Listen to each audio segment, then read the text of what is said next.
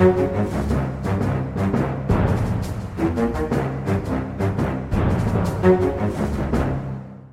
da ønsker vi velkommen til Aftenpoddens spesialversjon. En debattsending nå rett etter partilederdebatten. Jeg er politisk journalist Lars Glomnes. Med meg har jeg som vanlig politisk redaktør Trine Eilertsen. God kveld.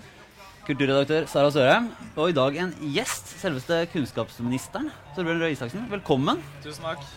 Får, eh, nå har vi sett uh, toppolitikerne debattere og uh, holde på i uh, lange tider. Hva er den første dommen, Trine? Hva syns du om her? Det, det alle lurte på, det var jo klarte Jonas Gahr Støre å reise seg etter den første eh, debatten, som gikk ordentlig dårlig. Eh, og svaret på det er ja, til dels. Han gjorde jo det. Det var jo ikke i nærheten av så svak. Men han er, han er ikke helt der oppe som han må være ennå. Men han var langt sterkere enn han var i den forrige debatten. Og det andre er hvem hvem tenker vi var best i debatten? Vi kommer tilbake til det, så vi skal ikke liksom parkere det allerede nå, den diskusjonen. Så det kommer vi tilbake til. Men uh, dette er jo en kommunevalgdebatt, og det merker du litt. At det er litt sånn vanskelig for disse å helt tydelig liksom ta rommet og skjermen og Fordi det, det ikke er saker som er Nei, altså det, på slutten var det jo det, på Syria-saken. sant? Kanskje der engasjementet var størst òg. Men også Men- der blir det jo veldig feil eh, med den rollefordelingen. Særlig Siv Jensen sliter jo litt med sin eh, rolle i akkurat den diskusjonen. Og det ble litt sånn eh, berøringsangstprega også, selv om det var den sterkeste delen av, eh, av kveldens debatt, syns jeg. Så er det, helt, det er ikke helt lett å få liksom, øye på hva som er de egentlige virkemidlene som disse politikerne har i denne valgkampen. Det blir jo litt sånn eh, det blir, en, det blir en annen avstand enn eh, det et eh, stortingsvalg eh, skaper i en sånn debatt. Hvordan er det Torbjørn? Er det en sånn debatt som får, deg til å, får blodet til å bruse, og du tenker at dette er, dette er den politikken man lever for? Dette er, altså, dette er fotball-VM for meg. Så jeg synes, altså, bare å ha politikere på TV som snakker, så syns jeg det er helt fantastisk og kjempegøy. Men dette var en ganske bra debatt. Jeg syns den var veldig oppstykka, må jeg innrømme. Så jeg skulle ønske at Men det er jo for å være NRK sin skyld. Og så syns jeg det var litt nerve i et par av debattene her. Jeg syns det var en veldig morsom debatt mellom Hareide og Siv Jensen. Så Knut Arild Hareide er jo Han er til å spise opp, som mora mi ville sagt. Eh, så syns jeg det var litt nerve i kommunedebatten også, faktisk. Og jeg syns faktisk Jonas Gahr Støre er Altså Jeg tror hans største fordel som politiker er at han eh, Han vil gjerne si ting han har på hjertet. Det er en veldig fin ting. Men det blir samtidig hans største ulempe, for at du ser han av og til blir ukomfortabel. For det ser ut som han ikke egentlig kan si det han har lyst til å si. Eh, og det syns veldig på TV. Men eh, Jonas Gahr Støre sleit jo eh, Det var sist torsdag så var han i debatt eh, som var arrangert av Høyre og Arbeiderpartiet sammen, og skulle vel være en slags eh, oppstart og, og, og en, en Jeg vet ikke om det skulle være en myk start på valgkampen, men det ble jo et, eh, et slags mageplask for Jonas Gahr Støre, i hvert fall. Det gikk ikke så veldig bra. Eh, da ble han, han ble tatt på noen sånne fakta, og ble ordentlig satt ut. Eh, du var litt inne på det i stad, Trine. Hvordan har han, eh, hvordan har det endra i, i denne debatten? Ja, jeg syns det er påfallende hvordan flere her inne faktisk har droppet alle disse her fargerike eksemplene. Jeg var der og møtte en mann, og han sa til meg, og jeg var der og jeg møtte en sykepleier, og hun fortalte meg, eh, og denne bedriften fortalte altså, For det er jo disse her som jeg i hvert fall syns helt enerverende eksemplene, som liksom skal beskrive en nasjons problemer. Og jeg er så glad hvis de slutter med det, for det, for det første er jo lett å bli tatt på det. Plutselig viser det seg at han mannen du skulle fortelle om, egentlig helt sprø. Eller den bedriften du skal fortelle om driver med noe helt annet eller eies på en helt annen måte. Så er det jo så risky å holde på med. sant? Så det syns jeg er ryddig og fint. Nå snakker vi om politikk og driver ikke med de der eh, enkelthistoriene fra uti der. Og det var jo veldig tydelig i den første debatten. Det var jo litt sånt eh, Støre bommet på. Så det syns jeg var en, en stor befrielse. Så ble det også spart for de litt sånn pinlige øyeblikkene hvor eh, Støre skal prøve å beskrive hva de faktisk gjør ute i disse bedriftene som eh, driver og skrur sammen ting på havbunnen.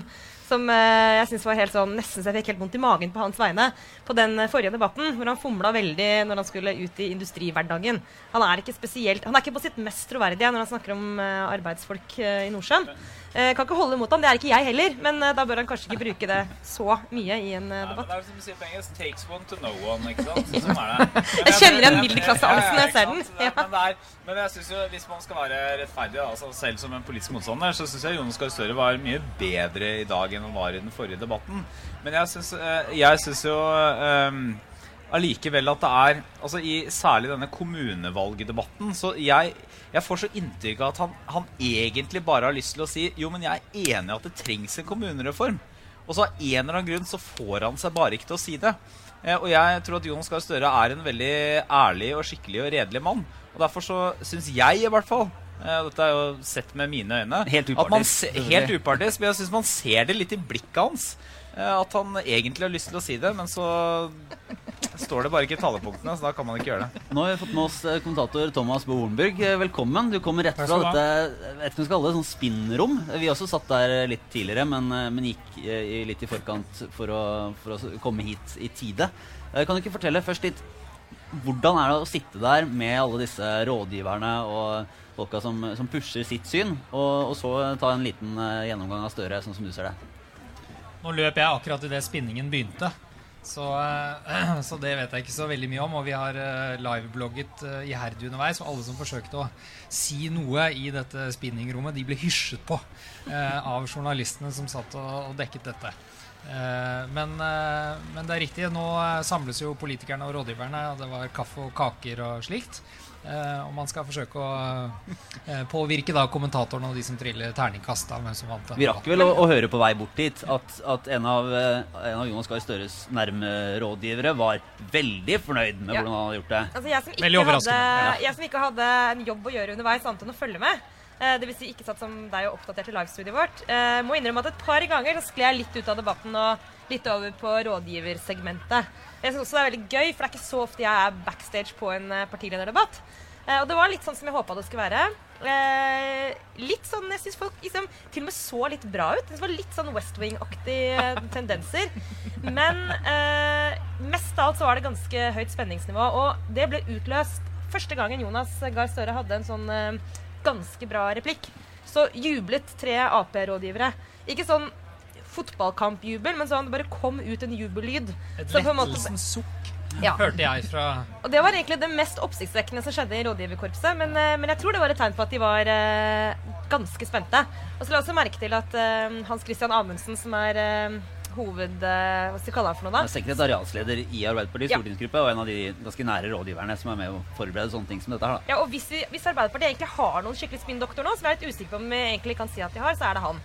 Han satt veldig søtt med altså en, en utskrift av et manus på papir. Han var den eneste jeg observerte bak der med noe med papir papiraktig i hendene, som han leste veldig nøye fra så letta ut. Så jeg tror Jonas holdt seg til manus. Men det er jo sånn, vi har jo vært her nå i Arendalsuka siden torsdag. øh, Lange, lange dager og lange kvelder. Og jeg har jo snakket med ganske mange i Arbeiderpartiet som har erkjent, når det ikke må siteres på det, at den forrige debatten var ordentlig svak. Eh, og det er jo også flere som har ment at han kanskje trengte en liten kilevink for å, for å liksom våkne litt, for å skjønne at, at dette ikke er noe han kan, kan målt, målt, bare spasere inn i. Ja, og Målt mot det syns jeg jo eh, Støre klarte seg mye bedre i dag. Han virket mye mer drillet på hva budskapet skal, eh, skulle være. Eh, han har jo eh, en tendens til å ha for mange ting på hjertet. Eh, og Det syns jeg eh, kom veldig tydelig frem i den duellen med Erna Solberg. At han forsøkte å formidle en kompleksitet som bare gjorde det rotete å, eh, å høre på. I dag så hadde han bestemt seg for hva budskapene skulle være på de fleste temaer. Når det gjelder kommunereform, så, så har han fortsatt problemer med å forklare hva Arbeiderpartiet har problemer med når det gjelder kommunereformen. Og jeg er helt enig med Torbjørn i at han får seg liksom ikke helt til å si at dette er nødvendig. Og jeg syns det er en underlig definisjon på lederskap å skulle holde seg unna. Eh, og vise passivitet. Men eh, sånne eksempler til side, så gjør han en eh, bra debatt. Og for han i dag så var det å gjøre en bra debatt mer enn godt nok. Men jeg synes også det er jo en dramaturgi i en valgkamp. Eh, og, og, og den dramaturgien er at eh, man skal gjøre en dårlig, noen skal gjøre en dårlig debatt, og så skal alle vente på at det er noe på spill. Og hva skjer da i neste debatt? Eh, og Jonas Gahr Støre Og da er det liksom det aller beste er hvis du da gjør en, en skikk Altså en veldig bra debatt etterpå, så blir det en helt fantastisk debatt. Og da har du liksom virkelig sånn fulgt dramaturgien. Og han gjør åpenbart en, en god, en ganske sånn god debatt i dag. Men jeg er usikker på om han, liksom, han sprenger den eh, grensen for at man kan si dette var liksom comebacket. Nå, nå er eh, Støre her, og det er bare å rydde bordet og slå opp vinduene, for her blir det mye liv og røre framover. Men skyldes ikke det litt særlig og dette Nå ser jeg på Trine, som jo er vår eh, kommunereformfanatiker. Fanatiker. fanatiker. Ja. Takk, det var akkurat det jeg skulle si også. Trine er jo eh, eh, helt genuint ekstremt interessert i kommunereformen. Og med god grunn. Ja, hadde ikke, bare for å ta det med en gang, da, så, så ikke du bare starter med en sånn lang rant om hvor viktig kommunereformen er, men hadde ikke Støre fremstått som en mye sterkere og bedre eh, hva skal vi kalle han for noe lederskikkelse hvis han hadde vært tydelig på akkurat det spørsmålet? Er det ikke det som Ja. svekker han nesten mest? Jo, altså, det, det blir, Du klør litt av å se på han akkurat i den debatten, og der tror jeg Torbjørn er inne på det. fordi at du har en Altså, sånn som vi kjenner Arbeiderpartiet i sånne saker, så er jo de eksperter på å gå inn og si dette trenger landet. Det kommer til å bli vanskelig. Eh, vi, skal, eh, vi skal hjelpe dere å finne løsninger. Vi skal delta i debattene. Men du står liksom ikke der og begynner med at det er mange som har det fint i små kommuner. Det er mange som har det fint i store kommuner. Det går ikke an å si at det har med det å gjøre. Så det blir å være så opptatt av prosessen. Jeg syns jeg er så uarbeiderpartisk at jeg, jeg får helt fnatt av det. Da, da, så det, det trekker ned for meg, bare det. Eh, men det er jo interessant, den der eh, debattpsykologien. Høyrefolkene, En del høyrefolk nå, jeg snakket med to i går, som, eh, som sa det. Du vet, Det vi er redd for, var at Erna eh, gjorde det for bra i den første debatten. Sånn at det nå i dag, hvis det blir litt sånn blassere, og det var det jo sammenlignet med den, for det var en helt annen type debatt, det var jo én lang duell. Eh, så vil det bli sånn ja, Erna gjorde det ikke så bra, hun var litt blass, hun var litt usynlig. og liksom br- Brenne kruttet for tidlig. Da. Så det er, jo, det er jo en helt egen verden, det der eh, rådgiverdiskusjonen om disse debattene. Men, Men eh, hun kan jo også alt om det. For at eh, Erna Solberg var jo en av de som hadde Altså Hun har jo hatt noen virkelig dårlige debatter. Mm. Uh, håper Du jeg vet ikke at hun er hører på ute i offentligheten ja, nå? kommer dette på lufta? det er Nei, ikke men altså, det er ikke noe hemmelig. Altså, hun, uh, som partileder så har hun hatt noen virkelig dårlige debatter. Ja, ja, vi husker Vi som, var, som var skikkelig dårlige. Eh, og så var det så var vel særlig valgkampen i 2009, hvor, hvor hun hadde rett og slett forberedt seg godt og fikk det derre løftet som ble sånn hva, Nå var det et eller annet som skjedde. Eh, den jeg faktisk Altså for oss som er opptatt av politikk, ikke bare partipolitikk, da, selv om jeg er jo opptatt av partipolitikk også, men så, så er jo det som Jeg var veldig interessert i å se på hva Audun Lysbakken skulle gjøre i dag også. For han er jo sant, Det partiet det kanskje står mest på spill for i denne valgkampen, er SV. Rett og slett for at de er på vei mot utslettelse, hvis ikke noe skjer. Rett og slett. Ja. hvordan- det var jo også ja. bare for å eh, Vi kan kanskje snakke litt om det nå. Fordi det var mye rundt debatten som var litt ute av hans hender, men som jeg tror eh, var veldig sånn synd for eh, Lysbakken. Særlig dramaturgien som NRK hadde lagt opp, hvor eh, Rasmus Hansson og Miljøpartiet fikk eh, egentlig lov til å være eh, Sette standarden for første del. Eh, og dette, denne diskusjonen om det grønne skiftet, som egentlig er en utrolig ullen og lite konkret tag. Men uansett det, der var det Rasmus Hansson som fikk stå frem og nok en gang kreve handling av de andre for at vi skal komme oss gjennom eh, den krisa vi åpenbart står i. Det burde vært Lysbakken sin rolle. Den muligheten mistet han eh, når Hansson fikk lov til å dominere så tydelig da.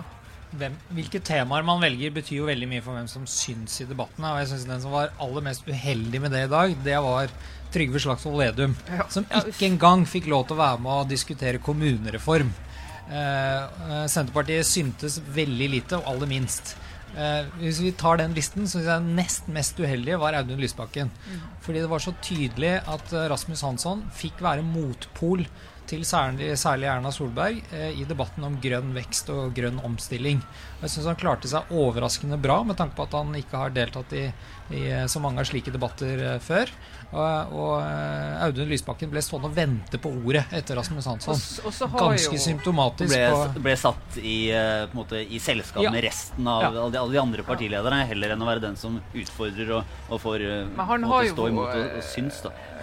Hansson har jo den fordelen at han har jo ingenting å forsvare. Det har jo alle de andre. Da- Eh, ja. Og Lysbakken blir jo møtt med det med en gang, at som, eh, som uh, Erna Solberg jo med en gang tok han på at ja, men alle disse her bedriftene de gikk jo konkurs i Nei, det var er Trine Skei Grande som gjorde det. Men det er også en annen veldig viktig forskjell, og det er at hvis du drar rundt i Kommune-Norge, som ble sagt i debatten også, Skulle ikke tro at du hadde gjort noe annet enn å være i Kommune-Norge. Ja.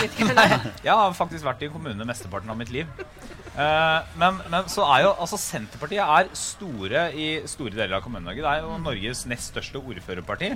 Eh, og, og forskjellen er at hvis du, hvis du akkurat nå drar rundt, drar på lørdag rundt i Kommune-Norge, så vil du se at i veldig mange av eh, de mindre og litt mindre kommunene, så er det Senterpartifolk på stand, og de er ute, og de kjenner folk, og de har styrt kommunen, og de har hatt makt lenge. De har et partiapparat der ute. Med andre ord, så den debatten her er ikke avgjørende for Senterpartiet i et kommunevalg. Det apparatet har ikke Sosialistisk Venstreparti. Eh, altså Sosialistisk Venstreparti står i fare for nå å sitte igjen med veldig mange enmannsgrupper rundt om i kommunestyret. Enda en gang. Mange av dem, stadig flere, er da folk som ble med i Sosialistisk Folkeparti den gangen det ble starta. Derfor er denne debatten mye viktigere for SV enn for Senterpartiet. Så det er ikke så farlig for dem om de ikke briljerer på skjermen. Og kanskje ekstra ille for eh, Lysbakken også at i eh, spørsmålet om Syria-flyktningene, så var det jo Hareide som, som tok rollen som den patosfylte som tok opp i seg smerten på vegne av absolutt alle flyktninger i hele verden. Er smerte, Eh, kanskje dro han det til og med litt langt, men han klarte jo i dag både å være den morsomste og den mest sånn kjensle Altså den som appellerte til følelsene våre. Eh, det er også en rolle som eh, SV i mye større grad burde tatt, og som Lysbakken burde ha grepet i større grad i denne debatten. Eh, men den saken også ble litt sånn snappet av Hareide. Så jeg opplevde litt at eh, Lysbakken ikke grep de mulighetene han hadde sjansen til heller. Og derfor ble jeg enda mer usynlig Men han. er en, han er jo en flink debattant, Audun Lysbakken. Altså, han er Men jeg syns at øhm, det, det blir jo helt Altså, jeg er jo jeg, på, på mange måter så ønsker jo ikke jeg SV noe godt.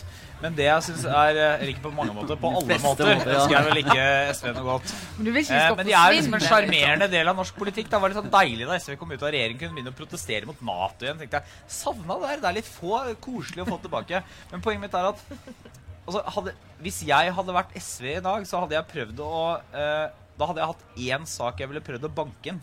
Jeg tror Litt av problemet til SV nå er at de, har, de er et lite parti som spriker i veldig mange forskjellige retninger, der de egentlig burde forsøke å banke inn én eller to hovedsaker.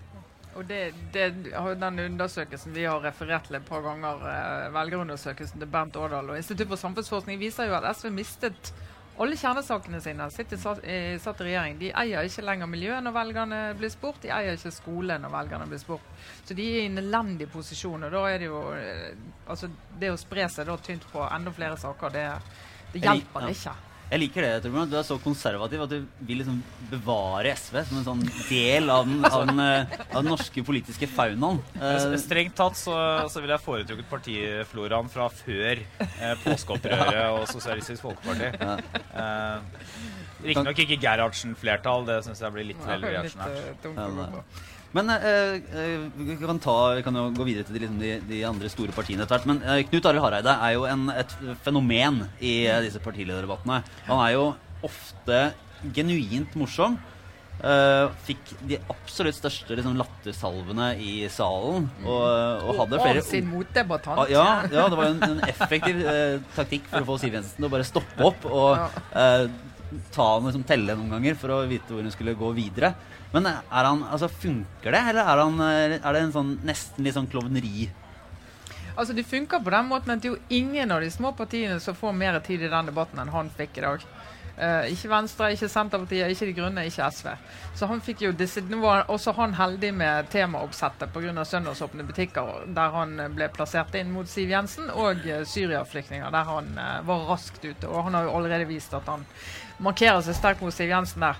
Eh, Så han, han fikk mye rom, tok mye rom. Og det å få folk til å le Jeg tror egentlig aldri at folk blir lei av det. Og så er det noen som liksom Herregud, eh, blir vi snart eh, lei av disse vitsene til Hareide? Men de er jo ikke så dumme! Vi ler jo av det! Jeg gruer meg hver eneste gang. For jeg tenker å, nå blir det sikkert pinlig. Og så ble jeg sånn overrasket over at det er ordentlig morsomt. Jeg var dessverre ute av rommet akkurat da. Jeg valgte det dårligste øyeblikket å Kan gå ut. sa kjære Siv? Ja, Ja. Så hørte jeg bare sånn latterbrøl, så jeg løp inn igjen. Og da grep jeg tak i Torbjørn her og spurte sånn Var det Hareide? Ja. Var det morsomt? Ja, det var morsomt. Tenkte jeg, Det er utrolig at han lykkes med det når det er åpenbart eh, på regi. Men noen ganger er det morsomt, og så skjønner du ikke helt hva poenget verken med vitsen eller, eller det andre Hareide sa. Hva, hva var det? Og da får han ikke frem eh, eh, måte sitt politiske budskap. Eh, da står humoren i veien for det, selv om det er morsomt. Men i dag syns jeg det fungerte. Han, eh, han eh, satte jo rett og slett Siv Jensen ut under debatten om søndagsåpne butikker, og han fikk sagt det han skulle, også gjennom å være morsom. Og så er det en eh, kontrast til flyktningedebatten, hvor han var grav alvorlig. Så i dag så fungerte humoren som et strålende virkemiddel for eh, Knut Arild Hareide, syns jeg. Trine Skei Grande, var det Hun, Satte det spor? altså hun eh, var, jeg synes hun var ganske god i, i debatten om grønt skifte. Og der viste jo hun et voldsomt engasjement på sin si, kjernesak, nemlig å kjefte på Arbeiderpartiet fordi de er så lite grønne. Og det fikk hun satt veldig tydelig på plass. Og så forsvant hun. Det var eh, Hun prøvde å bokse seg inn litt eh, et par Ja. ganger seinere uten spesielt stort hell. Så hun var, men igjen, altså. Det, det er jo det, det er grenser for hvor mye du kan peke på hun og si at hun gjorde en svak innsats. For det har litt med den tematikken å gjøre. Klart, Disse duellene dominerer jo mye av inntrykket vårt. sant? Men, men det er jo ikke altså det, det som er spennende, syns jeg, er jo ikke, det er jo ikke bare overflate her. Altså Det interessante her er jo ikke, bare, det er jo ikke en performance, på en måte. Det er jo, det er jo, eh, det er jo substans man diskuterer, og det som er, det som er spennende eller gøy eller bra med Trine Skei Grande, er at hun skal gjøre noe som er kjempevanskelig. Hun skal forklare for alle venstrevelgerne der ute, og potensielle venstrevelgere der ute, og de er troløse som fy, altså. Hun skal forklare hvordan kan dere eh, støtte en regjering hvor Frp sitter. Og så er det det mest engasjerte øyeblikket hennes i debatten er når hun skal gjøre det. Og da er det veldig vanskelig å tro at uh, Trine Skei Grande sier det fordi at det står i et talepunkt, og det må hun jo gjøre. Da, er det veldig, da tenker jeg at Trine Skei Grande mener genuint ærlig og oppriktig at Venstre får gjennom mer bra miljøpolitikk med den regjeringa som er nå, enn det den forrige regjeringa fikk til. For Hun arresterte da Jonas Gahr Støre på at det var bedre å ha Siv Jensen som ikke nødvendigvis tror på Ja. klimaendringene, men uh, gjør noe med det, enn å ha en som tror på det, men bare prater. Det er jo Da var hun ganske punchy. Det var Fantastisk eh, one-liner, det. altså. Ja. Var det den beste one-lineren i dag? Jeg Det var, hadde det på var i hvert fall den med mest substans, vil jeg si, av de som virkelig satt. Ja. For den uh, beskriver et bilde, altså. Ja. Jeg føler det var også litt sånn i kontrast til Støre, som prøvde seg på en metafor eh, som ingen skjønte rundt det bordet jeg satt på, som var noe om å ha folk på gress, eller på gresset. Og alle lurte på om han egentlig mente plenen, om han sikta til SV. Uh, og da, da tenkte jeg stakkars uh, Det var jo på, på der hvor folk flest ferdes, nemlig Twitter. Uh, Det var ironi, for øvrig. Eh, Så var det de to store debattene i dag. Det var jo eh, Hva er forskjellen på plen og gress? Eh, og det andre var antrekket til Rasmus Hansson. ja. Ja, det må vi snakke litt om. Eh, Ja, jeg, begge, begge, begge deler var ganske forvirrende for meg, syns jeg. For jeg, men, eh, men eh, for jeg vet Altså, det Jonas Gahr Støre sa, det var jo at eh, vi SV sto ute og demonstrerte på plenen, men nå står jo halve regjeringa på gresset. Og så la han trykk på gresset. Eh, og som om det var en eller annen subtil forskjell mellom plen og gress som gjorde at den parlamentariske eller interne regjeringssituasjonen var dramatisk annerledes enn ny nå. Og det er eh, Jeg vet ikke, er, men jeg er ingen ekspert på hagebruk. Eh. Kanskje det var kunstgress han tenkte på? At det var innendørsgress, rett og slett? er men hva, hva, jo, men altså, det blir, gjør bare metaforen enda mer forvirrende. Ja. Men mulig at den der gressflekken utafor Stortinget ikke for han er fin nok til å kunne kalles plen. At det er så enkelt som det. At en plen skal være tett og eh, fri for mose. Ja, For at det er verre å demonstrere mot Men jeg tror du, du jeg, jeg, har en, ja. jeg har en teori på det her som bare kan uh, muligens bare legge denne død. denne. Eh, men jeg tror han bare la Han hadde åpenbart planlagt å si dette her, men jeg tror han la trykket på feil sted. Jeg tror han skulle legge trykket på Nå står halve regjeringen på gresset. Eller på plenen. Ja, eller var. ja. Så det var eh, i motsetning til en gjeng fra stortingsgruppa, så var det sånn, nå halve regjeringen. Ja, Ja, Og så la han bare trykke trykket på feil ord, så da ble det Og Nå skal du på gresset! Ja, ja, det Dette må følges opp. Ja. Men Ja, for eh, dette er en sak, føler jeg. Altså. Dette er uh, Dette folk, folk Folk krever svar på dette. Vi får gå på henne etterpå. Hva, hva mente du med det? Du du Men eh, de to andre da kanskje viktige deltakerne Erna Solberg. Ja, hun har vi nesten ikke snakket om. Jeg tror vi snakket med noen rådgivere i Høyre i forkant som sa at at det, var, det er jo et litt sånn rotete format med åtte partiledere, én time, to dueller, eh, litt sånn eh, show i midten. At hun skulle ta en litt sånn tilbakeholden rolle, være litt mer statskvinne. Eh, betalte det seg? Altså, hun blir jo mer Hun blir jo mer sukker, vet du. Ja.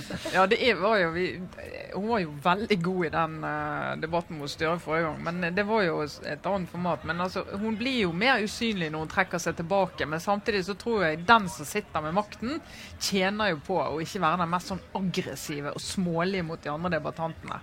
Eh, og liksom ta de på små ting og sånn. Du kan gjøre det til et visst nivå, men du kan ikke holde på med det hele tiden. For du virker så utrolig arrogant og egentlig motbydelig hvis du tar eh, det der for langt. Eh, så det hun Det er prøvde derfor man har en regjering rundt seg, så man kan ta ut sånne ting kan på ta på, på de? Ta dem på detaljer og Du har følt på det, jeg håper jeg Nei, jeg. bare tuller. Men, men eh, det hun selvfølgelig også bruker den uh, situasjonen til, det er jo å belære Jonas Gahr Støre om lederskap. Belære litt om alt som har skjedd i de store sakene, i det grønne skiftet, omstilling. Kunne si at uh, vi burde ha begynt for lenge siden. Jeg er enig med Lysbakken. Altså en sånn raus en der, det, det betaler seg. Når du samtidig kan få inn et stikk som egentlig er at du gjorde jo ingenting da du kunne. Altså, så, hun, så hun er jo god, hun er solid, hun er liksom, men hun er jo ikke, hun står, det er jo ikke sånn du tenker hun vant debatten. Det er det ikke. Det, det var jo, jeg kan bare si, en, har jo snakket med folk i Høyre etter den debatten sist, der, der hun fikk inn noen fulltreffere på Støre. Og der var det jo åpenbart kjempejubel, for de fikk ikke bare eh, traff de i debatten, men det var jo at de som har forberedt Erna Solberg på den debatten, hadde jo også jobba eh, for å eh, være forberedt når det skulle komme sånne situasjoner.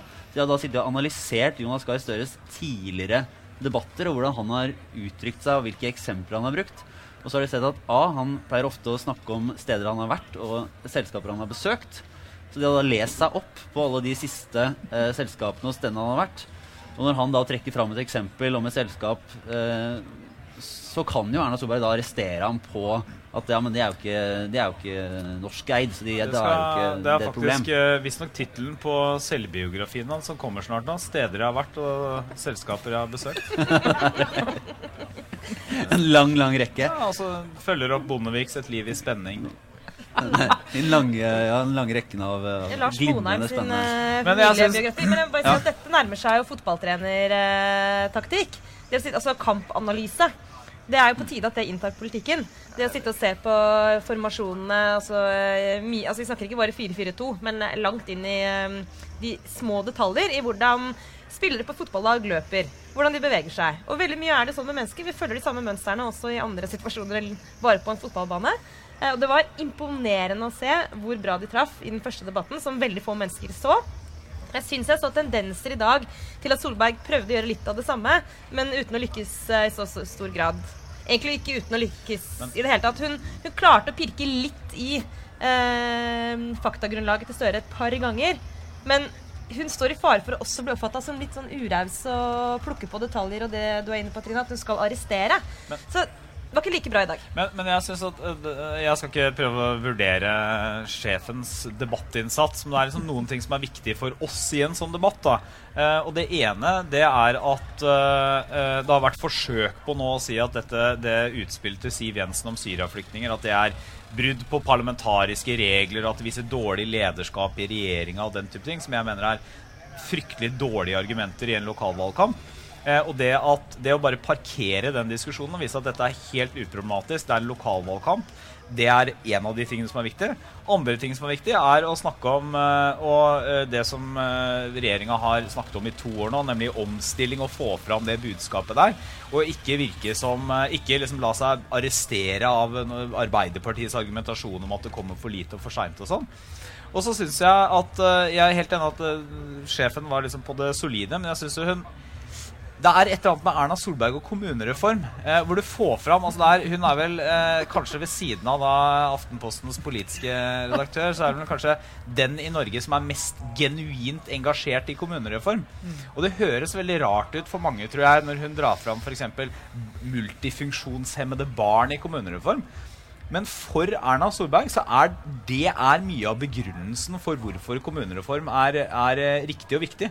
Og det er, eh, det, Jeg syns det var en veldig bra Ja, altså Akkurat den delen syns jeg var veldig bra, for at hun blir så innmari engasjert. Og det er ofte en, en vinnerresept. Hvis jeg uh, hopper videre til uh, Siv Jensen, hvis ikke du hadde noen uh, Nei, jeg er ord om, eh, om Erna Solberg. Er- Erna Solberg gjør en uh, god og grei innsats. Det var jo noen politikere hvor det sto mye på spill i kveld, eller en god del. For Erna Solberg sto det ikke all verden på spill. Hun eh, valgte en trygg linje og, og tjente greit på det. Liksom. Det, Den er- slappeste analysen jeg har hørt. Det er Utrolig at du får betalt en gang for det. Er dette alt du har å komme med? en fair oppsummering av Ja, omtrent det det. Ja, men Siv Jensen, da, dere?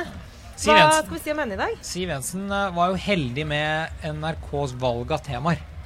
Eh, fordi at hun får eh, stå alene med Hareide og diskutere søndagsåpne butikker hvor de er motpoler, og hun får eh, diskutere innvandring hvor hun eh, langt på vei er motpol til alle de andre. Eh, og hun er finansminister og tar naturlig plass når man skal diskutere skatt og, eh, og omstilling. Og jeg syns hun gjennomgående gjør eh, en veldig god opptreden. Eh, Hun er debattsterk, Siv Jensen, hadde den jevnt over, og det syns jeg hun var i kveld også. Men var det litt sånn i dag at det var ingen som eh, tabba seg ut? Det var ingen som var ekstremt gode, men det var noen som ble litt usynlige. Eh, synes ikke det Det blir ikke stående dette her som en eh, partilederdebatt som potensielt ble en game changer i valg valgkampen? Nei. Er, eller er det bare en Men- skuffa? Nei, det er Det absolutt ikke det. Nei, men, men vet du hva? I en kommunevalgkamp så, så er det For det første så er det sjelden sånn. Eh, og det burde heller ikke være sånn. Og alle undersøkelser tyder på at selv om landstrender har noe å si i alle kommuner, så er folk aller mest opptatt av hvem er det som skal bli ordfører i mitt parti, og står det noen i nabolaget mitt på lista? Altså Det er så mange folk i, i Porsgrunn f.eks. Så Høyre-folk kan finne på å stemme på eller kumulere inn SV-ere, og SV-ere kan finne på å plutselig stemme KrF fordi at det er en fyr fra bygda som står på lista. Sånn er lokalpolitikk, og det er rotete, og det er kjempedeilig. Litt sånn som å være her i Arendal på Arendalsuka, faktisk. Ja, det er, altså, ja, det er vel få ting som er så rotete som Altså, bra arrangement, rotete kvelder. Eh, Men eh, til, eh, til et, et eh, par siste punkter. Rasmus Hansson konkurrerer med Jørgen Kosmo om eh, dress eh, Politisk histories fineste dress. Ja, jeg syns den eh, det, med, med det slipset òg. Ja. når du tenker antrekk, det, det er det vi husker best. Så hvis vi skulle lagd sånn min mote-antrekk eh, Helgrønt. Men hvor mye, hvor mye, mye tanker går med i det? Så at Audun Lysbakken gikk uten slips, for eksempel, som det eneste. Så Stein Hernes, som tidligere var rådgiver for Arbeiderpartiet, han observerte på Twitter at slipset er tilbake. For eh, noen år siden så var det ingen som hadde slips, akkurat som dere. Men eh, nå er alle, bortsett fra Lysbakken, av de mannlige partilederne tilbake med slips. Eh, Så kan man spørre seg om de er trendsettere eller ikke. Det er vel et åpent spørsmål. La oss håpe det er heller vi som er trendsetterne. Jeg tror ikke det er veldig mange sånn 16-åringer som sitter og sier Du, nå har både Hareide og Støre på seg slips igjen. Det, det. det er Det åpenbart inn. Det er en knute. Pappa, hvordan er en slipsknuta igjen? Den lærte jeg i konfirmasjonen. Men eh, jeg syns jo Rasmus Hansson eh, gjorde en god figur i debatten og fikk overraskende mye plass. Men han hadde sikret seg en plass uansett med det slipset. Eh, om det så var det eneste vi skulle huske etter den debatten, så kommer man ikke til å glemme det, det med det første. det jeg syns er litt fascinerende Altså Nå vokser jo Miljøpartiet De Grønne i mange kommuner. Men det som er fascinerende, er at de eh, altså Rasmus, eh, Rasmus Hansson representerer jo på mange måter urmiljøpartiet De Grønne. Altså han, han jogger vel fram og tilbake fra Lommedalen eller noe sånt og bor på et lite småbruk og yster sin egen ost og alt mulig sånn. Mens der Miljøpartiet De Grønne vokser, er jo i det man litt eh, enkelt kan kalle den utdanna urbane middelklassen. Eh, så det er jo, ikke sant? Altså, det er jo Tesla-velgerne. også nett Tesla-velgerne. Så er det så alle de som aldri ville funnet på å ha på seg et uh, sånt antrekk som uh, vakte oppmerksomhet, snarere tvert imot. Uh, og det er, det, er, det er morsomt, for det, etter hvert så vil kanskje de komme inn i Miljøpartiet også.